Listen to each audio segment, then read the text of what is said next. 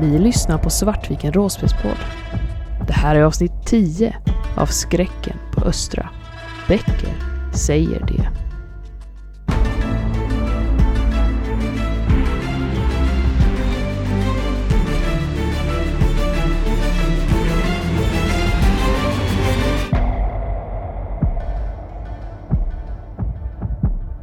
Jonna, du faller ned i mörker och det är massa annat som faller med dig.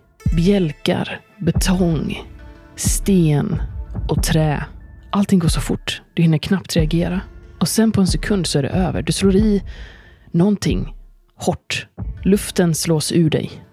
Du kan sätta ett skadepoäng. Du hör det strilande ljudet av damm som faller och lägger sig. Någonstans lite längre bort så hör du Heddy stöna. Det är kolsvart här nere. Och en frän doft sticker i näsa och hals. Jag stönar lite själv och försöker putta undan det bröte som fallit upp på mig. Jonna! Hör du Heddys röst genom mörkret. Heddy? Är du okej? Eh, ja? Ä- Är du? Jag sitter fast under en balk. Vänta, jag, jag försöker ta mig till dig.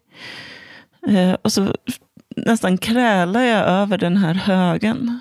Bort mot henne. Och eh, hjälper henne att eh, lyfta bort en balk. Och den är tung, men eh, du får loss den.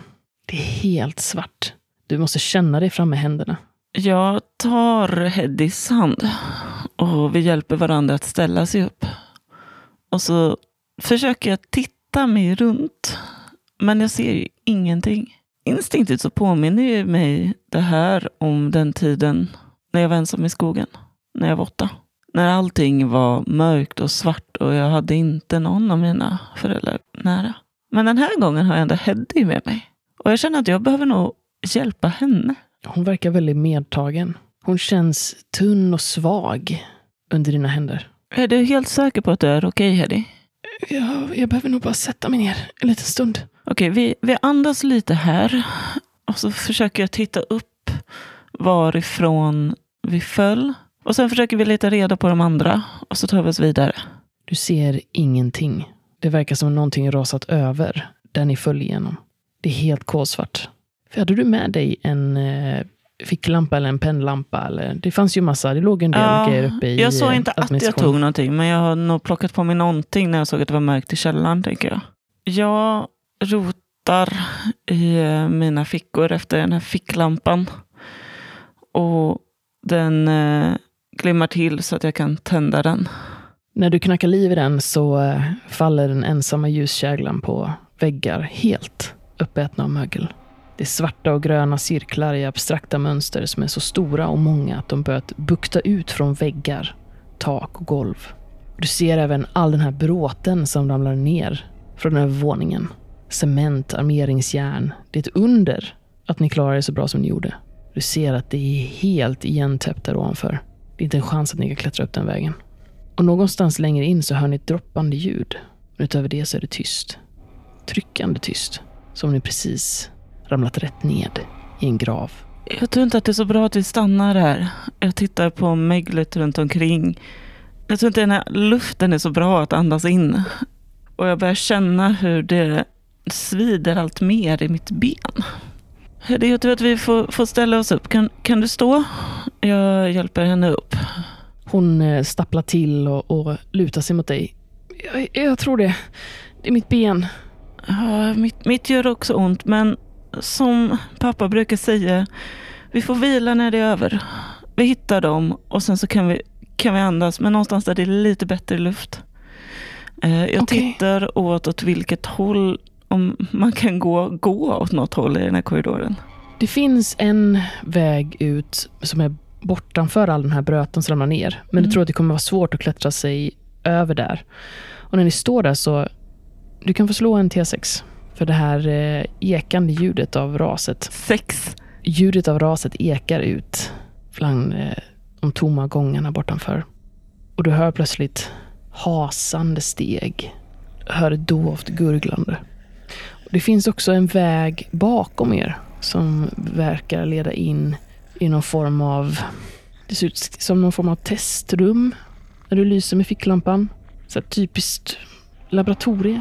Jag hjälper Heddy och tar oss bort mot det rummet. Bort från de ljuden. Bakåt helt enkelt. För zombiesarna kommer väl från andra hållet. Vad du kan höra. Vad jag kan höra. Och på vägen så tar jag upp något av bråtet. En metallpinne, en bjälke som har ramlat ner. Så jag har något mer vapen. Men jag tycker inte om att slåss i mörkret och det kan finnas mer saker här. Så eh, laboratoriet känns som räddningen.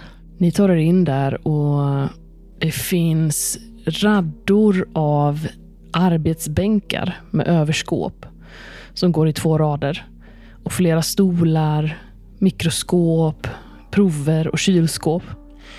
Du kan se att det finns eh, etiketter som indikerar att eh, här analyserade man blod, urinprov, vävnadsprover innan utbrottet.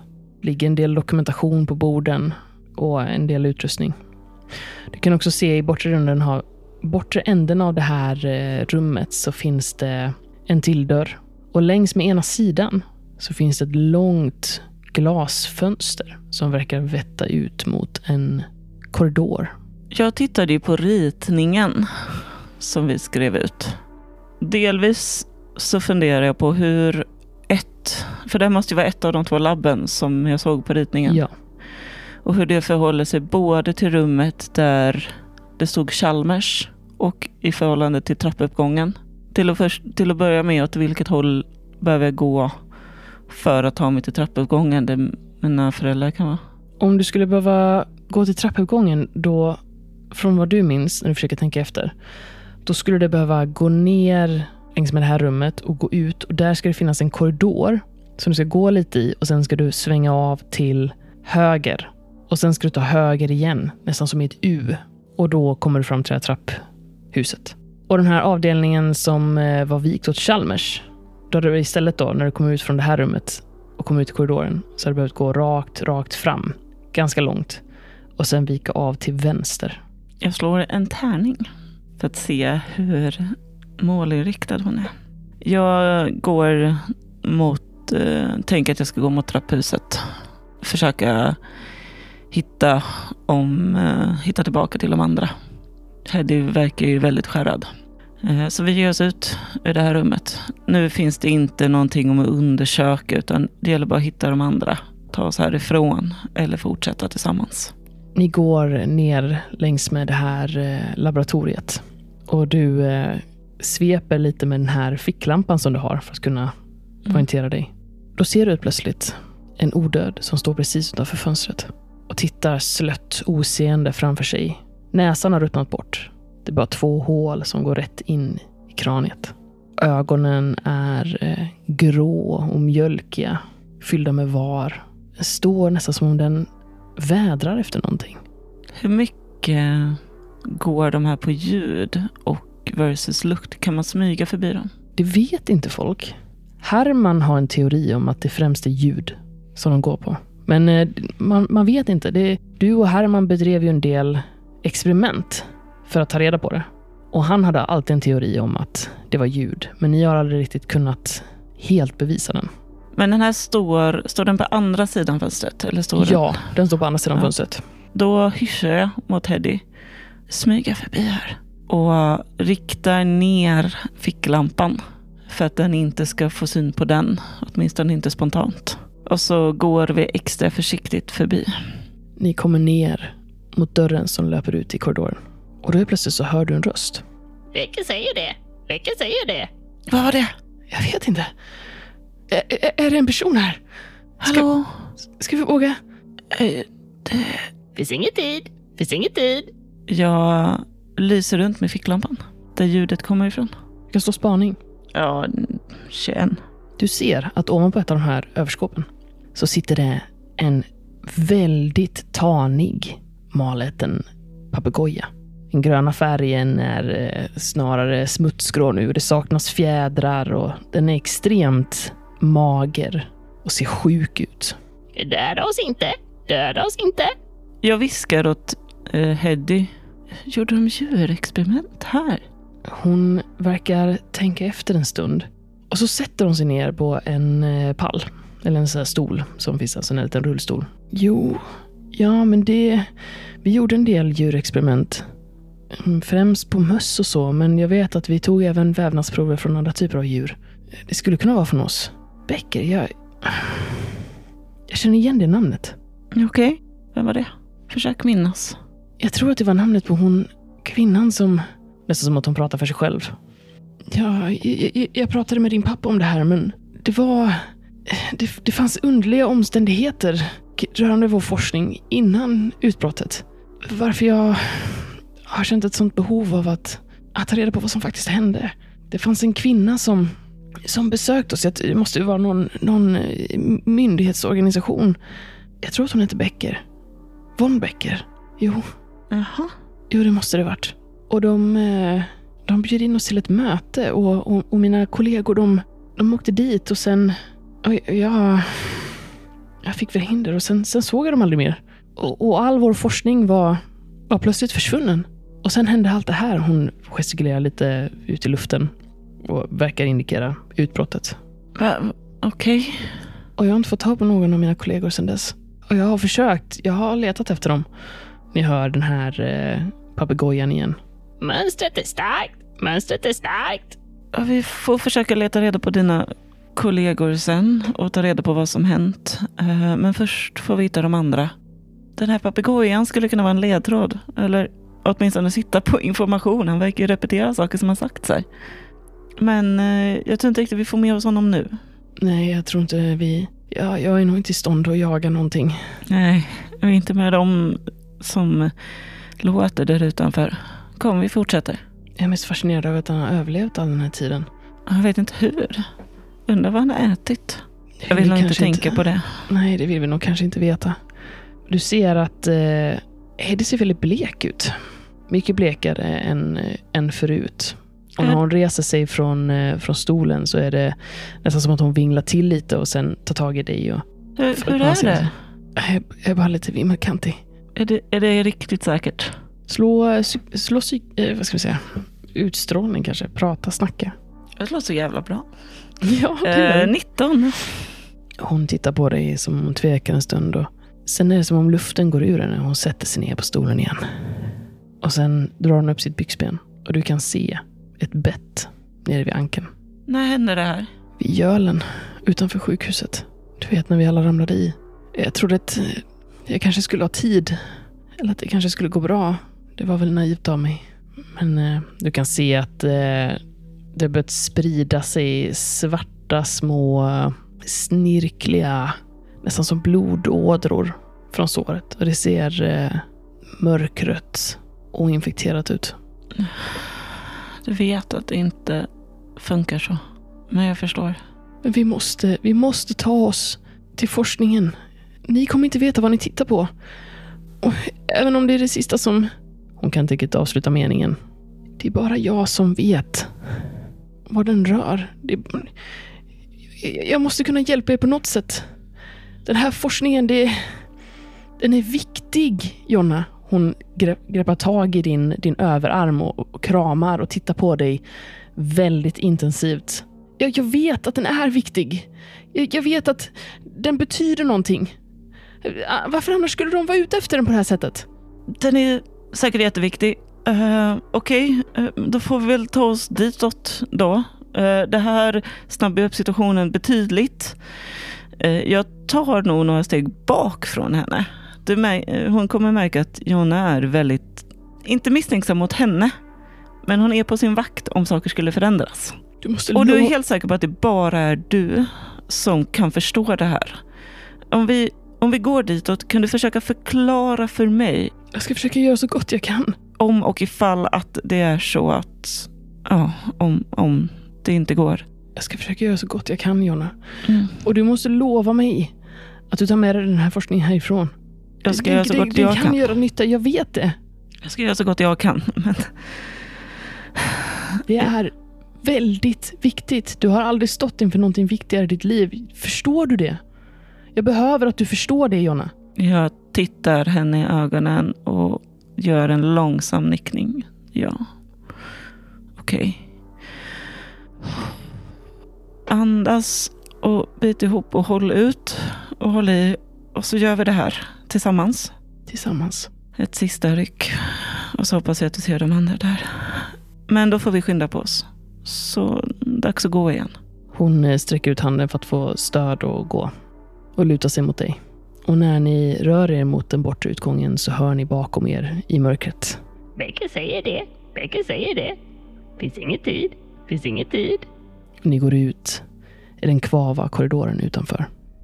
Kasper och Renaldo, ni går ner i det här trapphuset. Och du som kanske har lite mer sinnesnärvaro, Kasper, du noterar att det här blodspåret går ju hela vägen ner. Och här nere är det kvavt och kallt. Och det är en frän doft som ni har svårt att placera. Och överallt där eh, er ficklampa faller så ser ni mögel och svamp. Det växer i intrikata mönster över väggar, tak och golv. Och ni hör någonstans längre ner i mörkret hur någonting rör sig. Hur någonting hasar. Jag lyser runt med den här pennficklampan. Vad fan är det här för någonting? Kasper? Jag är rädd. Vi, vi, vi kommer klara oss. Det, det kommer gå bra det här. Vi kommer, vi kommer hitta henne. Jag, jag hoppas det. Du vet, du vet att Jonna klarar, klarar sig alltid. Eh, Hon klarar sig bra. Ja, hon... Ron... Ronja. Jonna... Jonna klarar sig alltid. Hon klarar sig alltid. Jag försöker nog hitta den där elcentralen. För den var ju, var ju nära trappan, eller hur? Ja, enligt eh, kartan så är det att ni kommer ut ur det här trapphuset och sen så finns det en eh, korridor som löper som eh, ni kommer in i liksom horisontellt. Och om ni tar den till höger och går ner och sen eh, efter en liten kort sväng så kommer ni till den här elcentralen Vart är det hasandet kommer ifrån? därifrån. Det finns även små förråd på vägen här som, eh, med dörrar. Och du vet Rinaldo att det är här man förvarar ganska mycket material och dylikt. Jag stapplar nog bara fram, nästan paralyserad, helt oförmögen att ta in omgivningen. Och du, du hänger fortfarande över min axel liksom. Ja, min, min kvarvarande arm runt dig liksom och jag haltar fram trots att mina ben är okej. Men det är någonting bara som inte klickar i mitt huvud hur min kropp funkar just nu. Jag står och sätter mig och börjar nog gå neråt till höger. Men försöker verkligen spana in i mörkret efter vad det är för någonting som hasar. Är lite beredd på att släppa Renaldo eh, om det skulle behövas. Du kan se att längst ner för den här korridoren så går det en horisontell korridor, eller en så korsande korridor. Där, förbi öppningen då, framför er, så eh, hasar det förbi en odöd som verkar röra sig åt höger. Och det var åt det hållet som elcentralen var. Ja. Nej, men då, jag fortsätter en bit längre, närmare. Och när jag tror att det fortfarande är ganska safe och, och bara ta det lugnt fortfarande. Eh, så vill jag liksom antingen sätta ner Renaldo eller ställa honom mot väggen. Eh, beroende på vad, vad han orkar.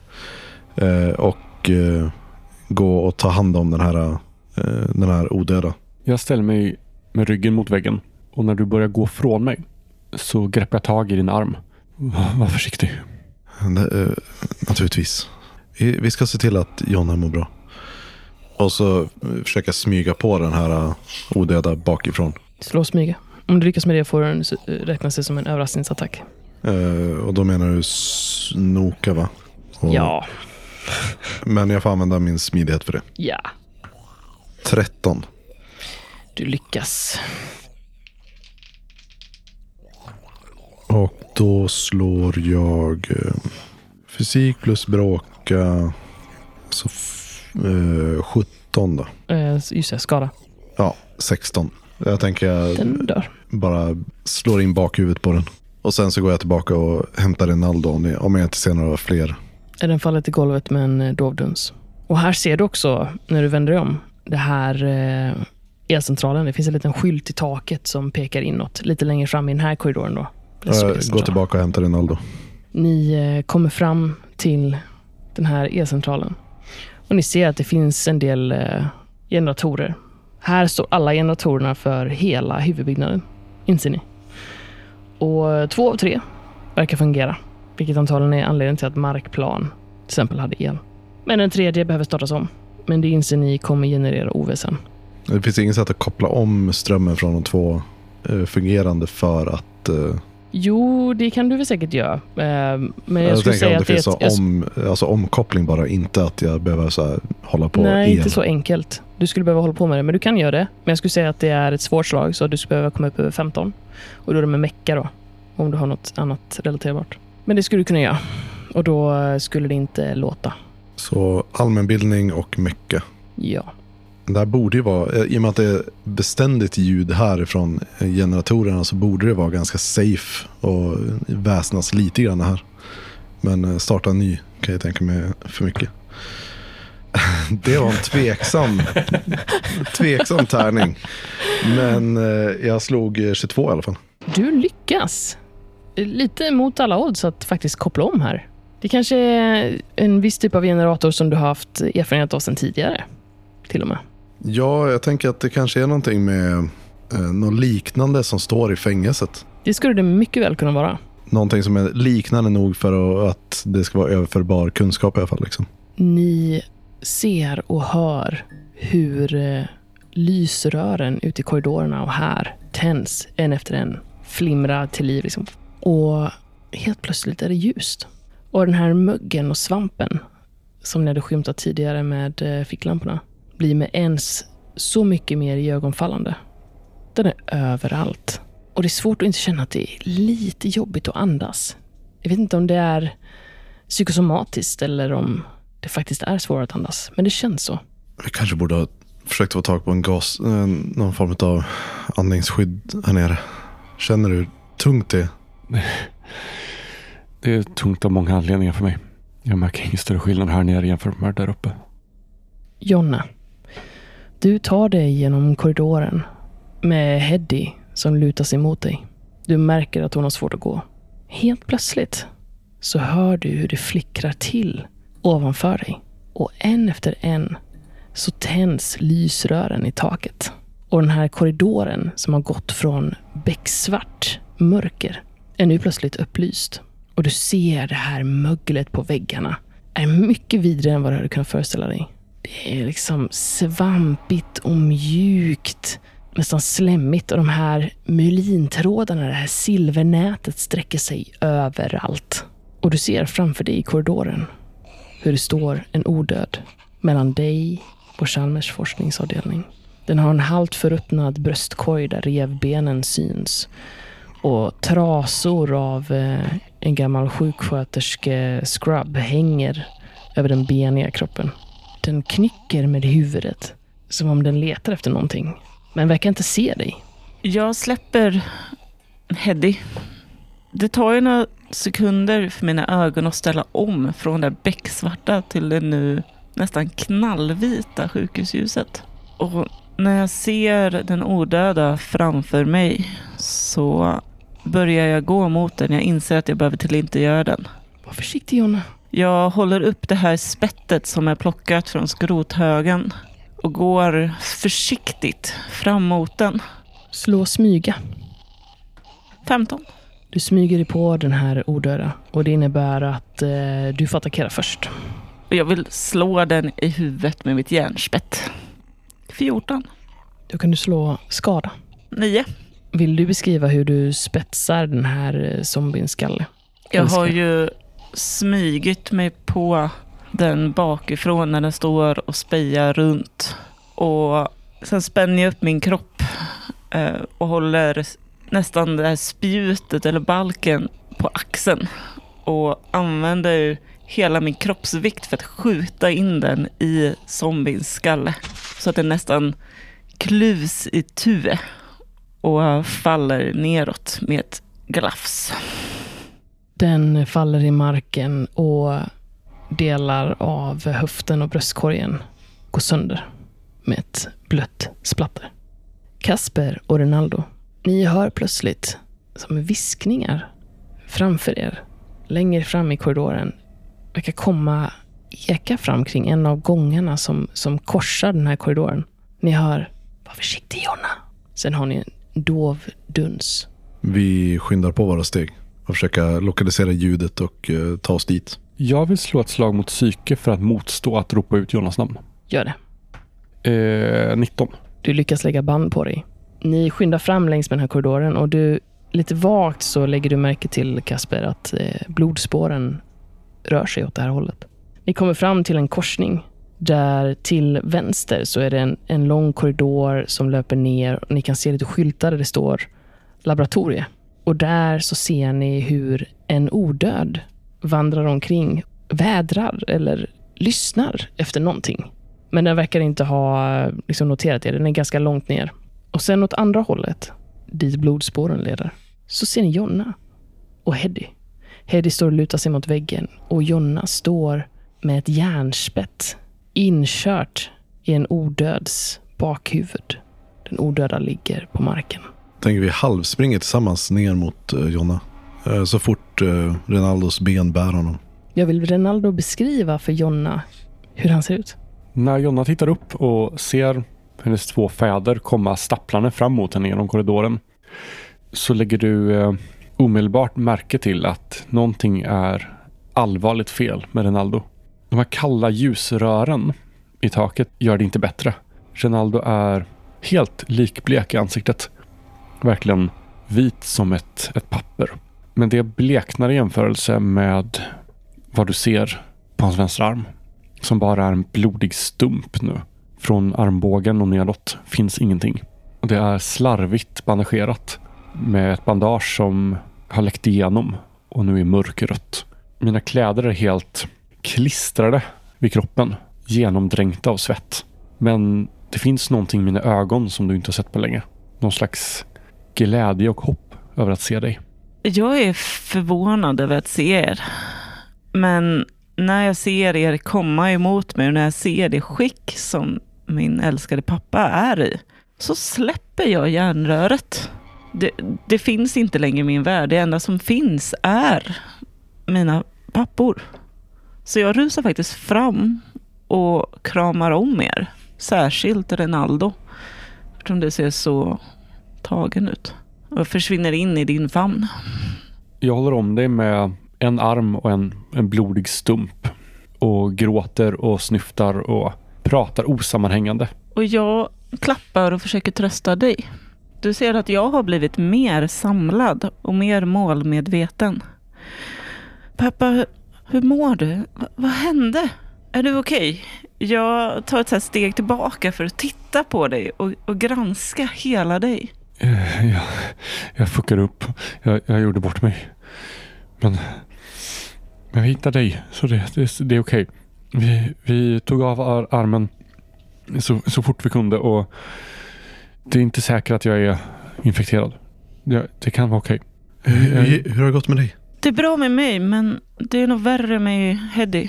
Jag tittar bort mot Heddy. Hon ser ganska illa däran ut. Dammig och nästan lika blek som Ronaldo.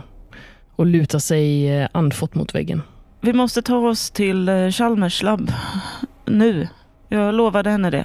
Eh, Sen, sen kan vi göra vad som behövs. Men, men vi måste ta oss dit nu. Jag ger er båda en kort kram. Och sen går jag tillbaka till Heddy. Jag plockar upp eh, kartan ur fickan. Som nu är smutsig och ihopknucklad och blodig.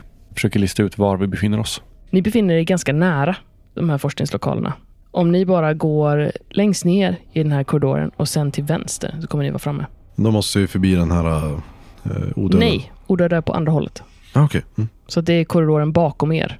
Och den, eh, den går liksom runt där och verkar vädra eller lyssna efter någonting. Men det är inte så att den rör sig mot er i nuläget. Jag lyfter upp det här järnspettet igen. Håller det ganska stabilt under ena armen. Och tar Heddy under den andra. Så leder jag bort henne mot er. Jag fortsätter ju eh, hjälpa Renaldo. Jag stapplar med brandyxan fortfarande i ett hårt grepp i min kvarvarande hand. Men eh, i övrigt så inte så stabil. Ni kommer ner till den lilla korsningen och svänger av mot vänster. Kasper noterar att det är blodspåret också. Ni kommer fram till en dörr i metall med en avläsare för passerkort vid sidan av. Det är blodspår och ett blodigt handavtryck på dörren. Känns det verkligen som att de här spåren leder ut från det här labbet. Jag vet inte riktigt hur, man, ska- hur vi ska tolka det. Eller intill. Ja, jag vet inte riktigt vilket som är värst. Nej. Men eh, jag testar min eh, accessbricka. Den låser upp dörren. Det öppnas den automatiskt eller är det bara låset? Den, k- den, eh, du hör att det klickar, men du måste fortfarande öppna den. Jag öppnar försiktigt dörren och försöker kika in. Innanför så ser du ett upplyst labb. Alltså typ ett laboratorie. Men ing- eh, inga människor. Nej. För i så fall så öppnar jag dörren och eh, eh, fasar, eh, föser in alla. Och så stänger ni dörren. Ja, precis. Luften i lokalerna innanför är kvav och de långa arbetsbänkarna längs rummens sidor är belamrade med bioteknisk utrustning. Mikroskop, e-kolvar, pipetter och pappersanteckningar ligger om vartannat. Som om arbetet upphört plötsligt och ingen hunnit städa undan. Det finns även större skåp för kemikalier samt små rullbord med dissektionsbrickor och provrör. Ni kan se att det ser ut som om någon varit här och avlägsnat grejer. För vissa av förvaringsskåpen för prover och genetiskt material står vidöppna och tomma. Och på vissa ställen har någon bara vräkt ner massa dokument på golvet. Och det står också sådana här små rullstolar lite överallt. Där folk som har kunnat sitta på och kika i mikroskop eller röra sig runt. Och även eh, stora svarta soptunnor. Ja, var, vart leder blodspåren? Inåt, bort mot en dörr, längst in i rummet. Jag vänder mig till eh, Heddy och säger eh, ja, nu är det din tur. Okej. Mm. Hon börjar gå runt och titta på de här dokumenten och på de här proverna. Och ni ser att hon verkar liksom koncentrera sig. Men ni ser också att hon verkar väldigt svag. Alltså hon stapplar fram och hon är väldigt blek och hon måste stanna upp och, och hämta andan. Jag går fram till Jonna och säger så att Heddy inte hör. Händer det någonting? Är, är Heddy oskadd? Det hände inte oss något nu. Men jag tror hon blev biten i gölen där uppe. Det är inte bra. Nej, det är inte alls bra. Hon, du, hon, du vet att hon kommer förvandlas va? Eh, Jag kniper med ögonen och nickar. Och jag vet. Jag vet att vi kommer behöva göra det. Vet jag hur lång tid det brukar ta innan förvandlingen sker? Det är väldigt olika. Ibland kan det liksom gå på några minuter, men ibland kan det ta, ta eh, alltså upp mot ett dygn. Så att det finns liksom ingen tydlig så här, så här lång tid tar det, utan eh, det verkar ha att göra med ett gäng andra faktorer. Du har haft lite teorier om det kanske kan ha att göra med alltså dels omfattningen av hur mycket den här smittan du får in, ditt immunförsvar.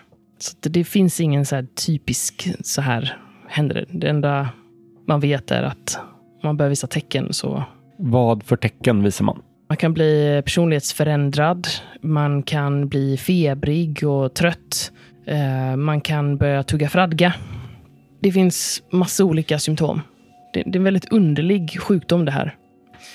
Kikar ni någonting i de här eh, dokumenten eller förvaringsskåpen eller lämnar ni det till Heddy? Jag säger till Rinaldo. Men det är bara hon som förstår det här. Och jag hoppas kunna få ut lite information från henne och förstå vad det här handlar om. Så att vi kanske kan ta tillbaka det så vi inte förlorat henne förgäves. Kom, jag drar med mig Jonna till eh, Heddy. Heddy, jag vill att du, att du pratar oss igenom det här. Berätta, berätta för mig vad du hittar. Okej, okej. Eh, ja, absolut.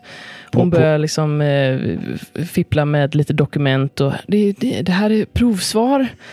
Eh, det, det, verkar även finnas eh, lite vävnadsprover. Vad, vad resultaten? Vad, berätta vad, vad de kom fram till. Vad säger, vad säger det här? men jag försöker, men det är så mycket material. Jag, jag, jag måste få en chans att, att, att läsa igenom det.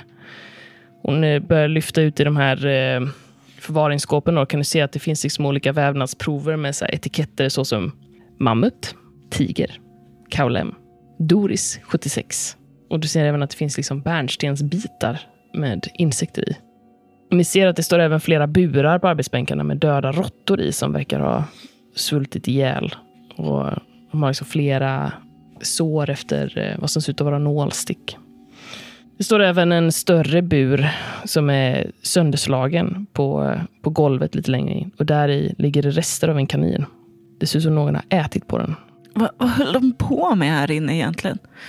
Jag börjar gå bort ifrån Heddy och blir så konfunderad över de här burarna och alla prylar.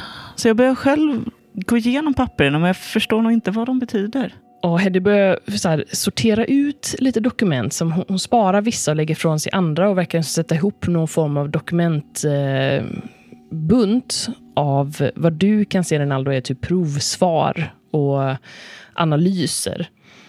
Och hon börjar liksom prata med dig att ja, vi, vi, vi, vi kartlade ju arvsmassan hos, hos olika typer av, av svampar. Eh, och här då, Eh, vi, de hittade, vi hittade eh, genetiska mönster hos vissa däggdjur. Eh, men det är underligt för att det är från olika tidpunkter. Det här det verkar vara från ett får från 1976. Och det här är ännu tidigare. Och eh, det här är bara från för fem år sedan. Så, men det är underligt för det ser likadant ut. Det borde det inte göra. Jag, jag, jag förstår inte riktigt de här resultaten, men man skulle behöva verifiera dem. Men här, här, har du, här är experimentanteckningar. Frågan är, vi kanske vill ha sånt här. Det här också. Hon börjar plocka på sig lite mer papper. Här är från experimentodlingarna. Behöver vi vävnadsprover kanske? Hon börjar som nästan prata för sig själv. Du kan få slå eh, för medicin. Allmänbildning och plus. När det finns läge sen ska jag gå fram till den andra dörren. 18. Du tänker nog att det kan vara bra kanske att ta med sig några av vävnadsproven så man kanske kan verifiera saker. Det finns så att du skulle kunna packa en del i er väska. Vi, vi tar med allting som du tror är relevant, Teddy. Okej, eh, okej. Packa från det, eh, från det kylskåpet så tar jag här. Det, det är för om man ska läsa de här proverna då, då, då verkar det nästan som om det funnits svamp-DNA inuti däggdjurens DNA. Och det verkar ha gjort dem mer resistenta på något sätt mot sjukdom. Det, det måste ju betyda någonting. Ja, no någonting betyder det. Och, och om du tittar här, hon, hon lyfter fram en, eh, ett eh, papper med testsvar och eh, du ser att det, det är väldigt konstiga korrelationer. Det verkar nästan som att det här svamp-DNA lever i någon form av konstig symbios inuti däggdjurens DNA. Du har aldrig sett någonting liknande? Vi, vi behöver ta med oss allt det här och så behöver vi hitta folk som är, är smartare än vad jag är. Som eh, kan tolka det här och hjälpa oss. Ja, absolut. Du ser att Heddy börjar så här, eh, skriva så små korta anteckningar på pappret också. Och där kan vi hoppa över till Kasper då, som går mot eh, dörren. Och jag följer de här blodspåren mot dörren. De leder hit och du kan se att det finns blod längs med karmen på den här dörren som är stängd. Uh, är det bara, alltså är det på båda sidorna av karmen eller bara på öppningssidan? Liksom? Bara på öppningssidan. Ungefär som om någon kanske hade lutat sig mot karmen. Så jag öppnar dörren. Du öppnar dörren och innanför så ser du någonting du inte hade förväntat dig att se. Den stirrar på dig med små vattniga ögon. Ni har lyssnat på Skräcken på Östra med oss, Svartviken Råspelspodd. Intromusiken är gjord av Alexander Bergin. Övrig musik och ljudeffekter är från Free Sounds.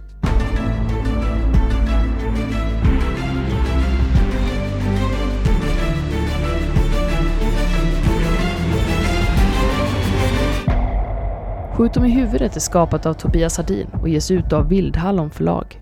Och Vildhallon ger nu alla Svartviken-lyssnare 15% i rabatt i Vildhallons webbshop på samtliga Skjut dem i huvudet-produkter.